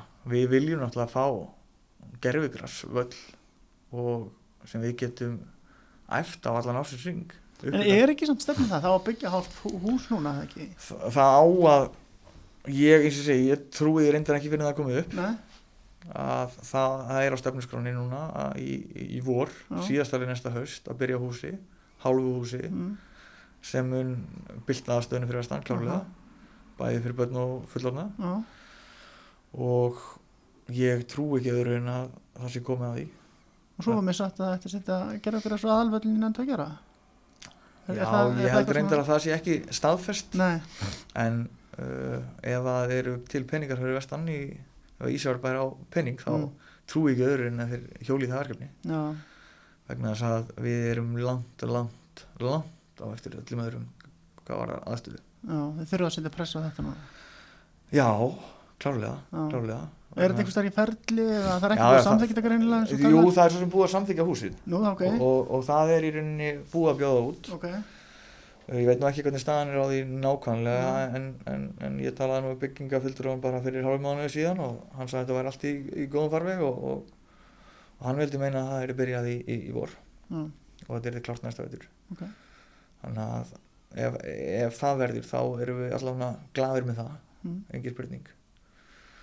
en að því að við komum að strákunum aðan að hérna þetta eru strákar grjótari gæjar Mm. Sem að hafa verið djúlega að æfa sig á skólalóðinu og malbygginu og það er oft sagt að strákunum út á landi séu harðari heldur en Mhm. borgarbönnin og Matti Villa er náttúrulega bara hvað ég segja ég man bara, hann var gutti þegar ég var hann fyrir vestan sko ótrúlegur gæði sko. Og það allt sem hefur verið sagt um Matta er satt sko þú veist. Einstaklega karakter. þetta er einstakur karakter. Þetta er líka bara svo hann var góður í öllu beiting hvort það var handbólti eða fótbólti eða skák eða bara í skólunum Mm. það var bara svo heilst eftir gæi Mm. og hans ferill heldur ég að það hefði bara sínt það að bara fyrir utan fótballtælega gæði bara þetta er góður góð persóna sko Mhm. og ég hlustaði nú bara á viðtal sem hann var í hjá ykkur núna um daginn mm sem Mhm. að hann talaði um það að hann vildi miðla sinni reynslu til yngri yfkanda og, og ég held að yfkandi sem fær fær einhvað skóla matta vilja muni, það muni hjálpa hann klálega uh, Emil náttúrulega gerði flotta hluti líka. Hann var náttúrulega fyrirlið okkar 2010 þegar leiði fór upp 17 ára gammal sást líka snemma hversu góður leikmaður hann yrði, ég reyndar ekki það að Emil sé á slæmum stað sko, alls ekki.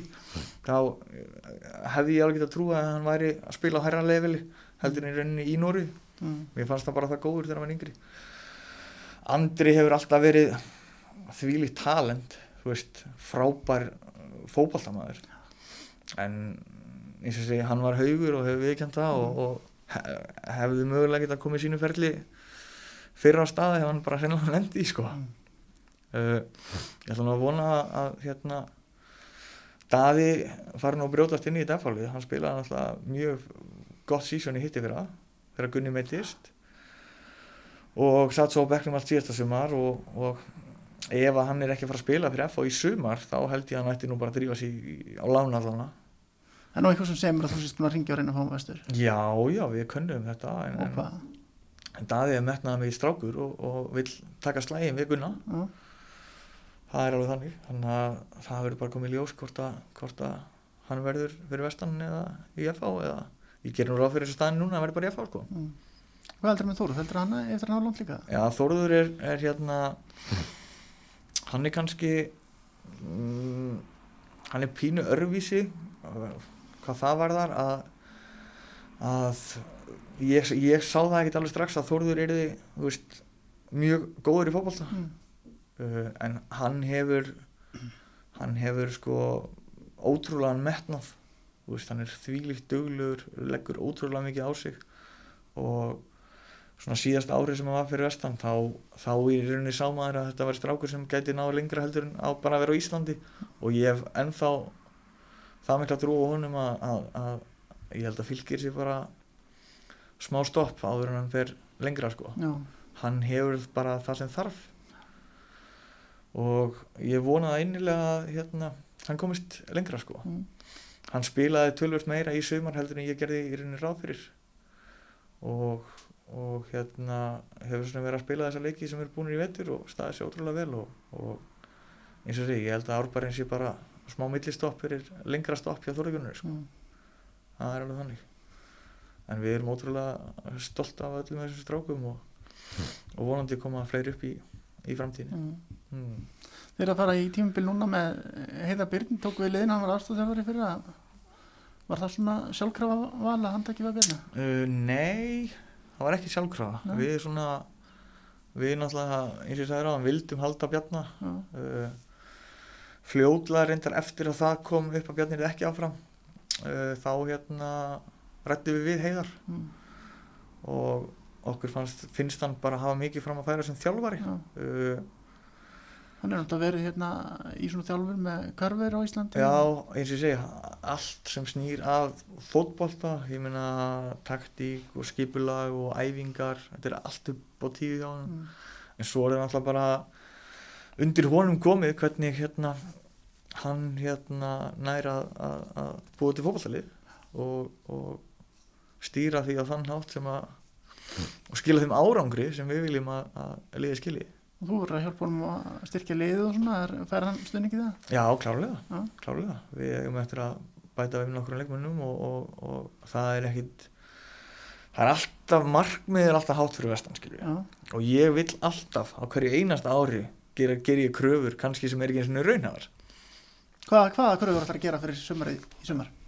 að fara upp í pepsitildina Það er svo leiðis. það er bara svo leys Já, við hérna teljum okkur hafa uh, mannskapinu sem við hefum upp á bjóða núna er Mm. góður og við eigum eftir að þyrkja liði það eru einhverja breytingar samt ekkit miklar. Mm. uh, vestri er, er þannig félag að, að það er tvent ólíkt að horfa vestra í janúar og svo kannski þurfa að koma inn í mæ mm, vegna þess að eins og komst inn á það við erum að sækja mikið af, af erlendum leikmunum en við pössum okkur samt upp á að, að kjarninni okkar lið eru heimamenn. Já, Eh, það eru menn sem hafa oft þurft að geta það í rauninu ofan í sig að, að ég manni eftir hvort það var ekki markmar hjá Selfoss sem fór að starfa fyrir knarspillisambandið hann gerði einhverja rannsókn á þessu fyrir 200-300 árum um hvaða lið sem sagt notuðu væri flestar mínútur og bak við heimamenn sko. já, og ég, ef mann rétt, þá vorum við þar í þriðja seti sko. Völsungur var á dofnum en það framlega þeir mikið að góða Mm. en við vorum þar ég lendi líka í smá ekki átökum en það var áhorðindi í Keflavík sem labbaði til mín á síðast ári eftir að við skýttöpum í Keflavík 4-1 í reynda skrýtnum fótballtaleg og hann spurði bara af hverju er ég ekki minnina heimamenn? Ég bent honum á það að það væru auðvitað fleiri vestramennin á vellinum heldur en keflingingar Mm, uppaldi keflingingar og þetta kom hún svolítið óvart sko. Já, en við viljum halda í þau gildi sem að hérna, okkar menn hafa og, og við bindum ótrúlega miklar vonir við að þessi strákar sem að við höfum búið til fyrir vestan verði líkil menn í liðin í sumar. Mhm, hmm, þeir hafa full- bara alla burði til þess og, og undir þeim komið eins og hvers, hversu er ná. En, en það er klárt mál að, að, að við viljum fara upp með þetta lið. Það er hashtaggi Pepsi 2022. Mm, ég ætla kannski ekki að fara að setja neitt hashtag á það en, en, en, en ég ger mér svo sem alveg grein fyrir því eins og ég sagði, kröfuna mínar er alltaf miklar og, og svo verðum við bara að vega og meta það í mæ fyrir mót, ég reynir hvort að við séum búin að gera nóg til að þetta sé raun að hafa gröfur Mhm, en akkurát núna þá er ég ennþá þar. Mhm. það, það er fullt af flottum liðum í þessar deild og, og hérna en við getum klárlega bara stuð engin Mhm. spurning. Spurðu það lokum út í, þannig að stýttist í ásþingi og KSI og það verðist nú vera helsta umræðan þar verði um fjölganir í deildum og svona, hvaða skoðan hefur þú þessu?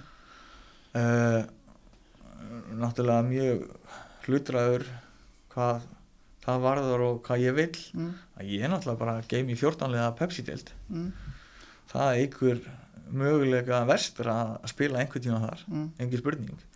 Þannig að ég væri að ljúga því ef ég ætla að halda öðru fram. Mm, fekk nú bara uh, fregnir að því gæri að framskilaði inn til bara á síðustu metrónum um 14 liða Pepsi ok, þú ætlar að stiðja hana? Ég mun potið gera það. Já. á þess að ég sé búin að kynna mér hérna mikið, þá mun ég samt potið gera það. Leistir ekki á aðra tiljóð sem ég var með um að ég svo sem var ekki búin að mynda mér ótrúlega mikla skoðun á, á til og skamana Nei. en, en, en ég hérna var á tímsfundi núna bara fljótlega eftir það þar sem að var verið að sína okkur leikdagana og, og hvernig þar við raunin að koma þessu fyrir. Og ég held að sé eiginlega ógerlegt sko. Já, held að sé ógerlegt sko.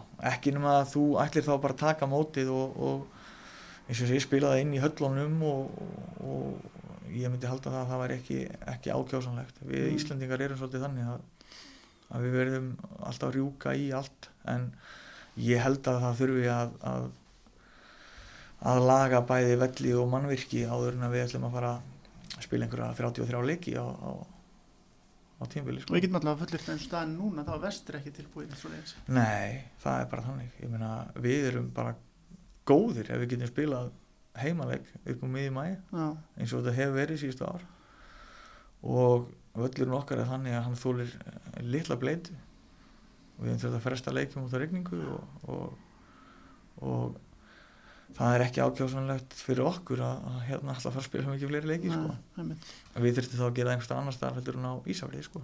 Og hvað með lengildildina, myndur þú vilja að vera í 14 lið þar strax eða það er náttúrulega minna álægi þeirri að það er ekki Evrókja það er ótrúlega eins og sé, fyrir leikminn og þjálfar og alla rauninni er náttúrulega bara skemmtilegast að segja að spila Já, og ég er alveg þar líka en mér finnst bara lengjutildin það verður að koma einhvað með það verður að vera meiri grunnur í lengjutildinni það er engin, það er engin fjárhagslega grunnur í lengjutildinni mm, þú ert allavega með þú veist, sjónvarstekjur og annað sem það hefur eitthvað að byggja á í efstidild Mm. en það er í rauninu bara null í lengjutildinni sko. þannig að ef að við ættum að fara í rauninni að lengja mótið okkar Mm. uh, ég held að ég veit svo sem ekki með öll lengjutildalið en við erum ekki með alla leikmenn á 12 manna samningum sko.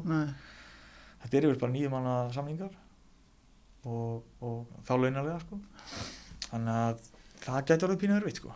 já, ekki nema að koma eitthvað auka fjármagn með því sko. með lengja tímbil auka auka líka kostnað, Já, algjörlega, sko. já, já. algjörlega, þannig að ég er svolítið þar sko. Þannig að þú ætla bara að byrja á að einbytta þér að stiða framarinn í að fylgi í efstu deild já, þá þarf þetta ekki að vera í efstu taumur heldur í efstu fjórum já, já nei, nei, ég hérna ég þetta er minn draumur. Að vestri spili í efstild einhver tíman já, og, og hérna endur nýja kynna að spila svona momentum eins og móti blikunum og káður já, ég held að myndi bara gera svo mikið fyrir samfélagi líka. Já, þú veist, ef við værum að fá lið eins og KR og Breiðablík og F og Val já, á Ísafjörð það er það er geggjað sko. Og auðvitað hefur það sínt sig kannski að hérna að liðin sem hafa komið upp hafa oftast farið beint niður aftur en ég held menn hafa haft ágjur af því að, að hérna að deildin verði ekki nógu jöfn og annað þú veist það muni einhver breyta hvort það liðið þetta eru 8, 10, 12 eða 14 lið skilur. það er alltaf einhver lið sem þurfa að vera verra heldur en hinn bara að þú getur bara tekið allar deildir í Evrópu en svo er það bara spurning ef að fjármagnir sem fylgir Pepsi-deildinni fer á fleiri lið ég meina ef að, ef að leiknir gæti keift tvo leikmenn skilur og Valur þurft að láta tvo frá sér þá myndi bilið á milli liðana eflaust minka já, þannig að ég er svolítið þar og, og ég held að ef að allavega flest lið sem komast upp mínur reyna að gera allt sem getur til að halda sér þar. En svo getur það náttúrulega lenda á svona prósessi eins og eins og gróttu skilur það er bara sérstætt mótel og maður bara virði það og þeir fara sína leiðir í þessu og, og hérna það er bara svo það er. Mm. Hmm. takk fyrir spjallið Herru, takk fyrir að fá mig